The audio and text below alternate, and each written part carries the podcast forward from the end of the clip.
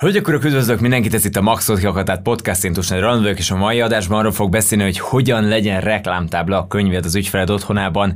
Ez utolsó könyves adásunk, gyakorlatilag lezárva ezt a történetet, amit az elmúlt adásokban láthattál itt a Maxot Kiakatát podcastban, viszont egy nagyon-nagyon fontos része ennek az egész történetnek az, hogy hogyan gondolkozz ez az egész könyvtémával kapcsolatban. Jó, mert nem sok a félreértés, és hogyan lehet reklámtábla. Tehát láthatjátok a könyvnek a minőségét, a kezetekbe fogjátok, akkor egy olyan dolog, bemész egy könyvesboltba, ezt meg fogod fogni ezt a könyvet. Tehát ö, nyilván az, hogy meg fogod fogni ezt a könyvet, ez kurva drága volt nekem. Tehát, hogy ez, ha a bekerét nézzük ennek a könyvnek, egy átlagos könyv mondjuk 1500 forint környékén lehet. Jó? Tehát, ha szeretnél egy könyvet létrehozni magadnak, 1500 forint környékén lehet.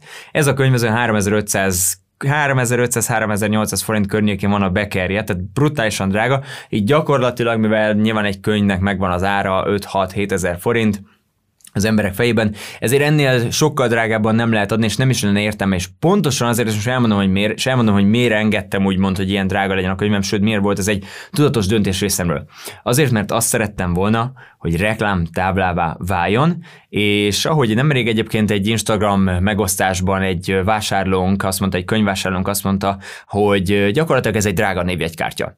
És ebben teljes mértékben igaza van. Tehát ez a könyv egy drága névjegykártya. Én azt szeretném, hogy azért is készítettem így el, mert azt szerettem volna, hogy aki megveszi ezt a könyvet, egyrészt meggyőzze az a minőség teljes mértékben velünk kapcsolatosan, amit már maga a könyv képvisel, Nyilván a belső tartalom az önmagáért beszél, de ugye ezt is egy, egy előző adásban mondtam, egyébként leteszteltettük, mielőtt kiment volna a könyv, mielőtt nyomdában ment volna a belső tartalmat is leteszteltettük. Így tudtuk, amikor az, a, gyakorlatilag az emberek asztalra érkezett, tudtuk azt, hogy ez tényleg egy tökéletes könyv, ez, amit szeretünk, mert elkezdtem, mire büszkék lehetünk, és ami vinni fogja a márkának a hírét. Jó, és ez nagyon fontos, hogy kettő darab funkció van ennek a könyvnek. Az egyik az az, hogy viszi a márkádnak a hírét, és ha valaki elmegy, ott elmész a barátnőthöz, és ki van rakva az asztal, ez a könyv, meg fogod fogni, mert annyira különleges az anyaga, különleges a kinézete, hogy leszel hogy mindenképpen meg szeretni nézni, meg szeretni tapogatni, ki ez, akkor már lehet, hogy elindul egy beszélgetés. És így gyakorlatilag a könyv ettől a pillanattól kezdve reklámtáblává vált az ügyfeleim otthonában. Jó? Tehát gondolkozz el ezen, hogy te hogyan tudsz létrehozni gyakorlatilag reklámtáblát az ügyfeleidnek az otthonában a könyved által. Jó? Ugye ezen el lehet gondolkozni. Ez az első lépés. A második az pedig az ügyfélszerző aspektusa a könyvnek.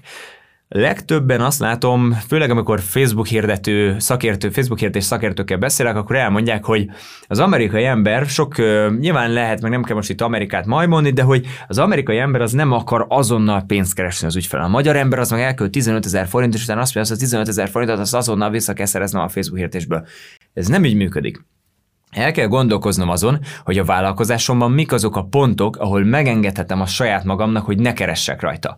Ez a könyv az én vállalkozásomban, ez például egy ilyen tétel, amelyen megengedem azt magamnak, ahogy az előbb mondtad, nem jön neki a matek, tehát 3500 forint a könyv, nyilván még egy ügyfélszerzési költségünk rajta, nem jön neki. Örülünk, ha nullán vagyunk ezzel a könyvvel, de ez az első érintési pont az ügyfélel. És azért alapvetően, ha hosszú távra rendezkedsz be, ha jó szolgáltást nyújtasz az ügyfeleidnek, és egy egészséges üzleti modelled van, akkor nem azt szeretnéd, hogy a 6-7 ezer forintos könyvön keres, hanem azt szeretnéd, hogy majd az utána létrejövő üzleten gyakorlatilag a vásárlónak az élettartam értékét nézed. Jó, tehát ez nagyon fontos, hogy ezt megértsük, hogy én simán meg tudom engedni magamnak azt, hogy a könyvben nem keresek, sőt, még kis bukóval is okés vagyok, hogyha esetleg ö, megdrágulnak a életési költségeink, és te is ezen gondolkozol, hogy mik a, mi az a szolgáltásod, amit nevezhetünk ugye a belépő szolgáltásnak nálad, ami igazából nem az a célod, hogy azzal keres, hanem az a célod, hogy új vásárlók megismerhessenek általa, és őbőlük majd hosszú távon, miután meggyőzted őket azzal a belépő élménnyel, gyakorlatilag őbőlük hosszú távon lehessen ugye high ticket szolgáltás, és tudjatok együttműködni. Jó, tehát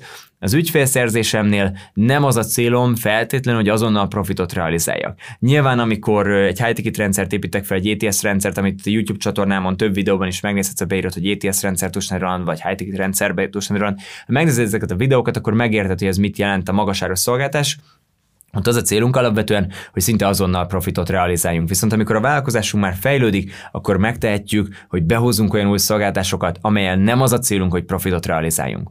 Ahhoz, hogy a lehető legjobban megértsd azt, hogy milyen szolgáltásokra van szükséged, ahhoz készítettem neked egy egyszerű kis képernyő felvételt, amelyben elmondom, hogy mi az a négy szolgáltás, amire szükséged van a vállalkozásodban, és ennek a négy különböző szolgáltásnak, vagy ugye esetlegesen terméknek, mik lehetnek a céljai, tehát mit kell, mit kell finanszíroznia neked, Az egyiknek az ügyfélszerzésed, a másiknak a szabadságodat, a harmadiknak a profitodat a vállalkozásodban, a negyediknek pedig a teljes profit maximalizál, maximalizálásodat. Jó, tehát erről készítettem egy videót, ezt a www.maxotkihakatat.hu per podcast oldalon töltheted le, www.maxotkihakatat.hu per podcast oldalon, egy kettő perces kérdőívet kitöltesz, és utána tiéd az összes segédanyag, amit itt a Maxotkihakatat podcastban a második évattól kezdve rendelkezésedre bocsátunk, ahhoz, hogy az adott témát, amiről beszéltem ebben az adásban, az kiegészítsd. Jó?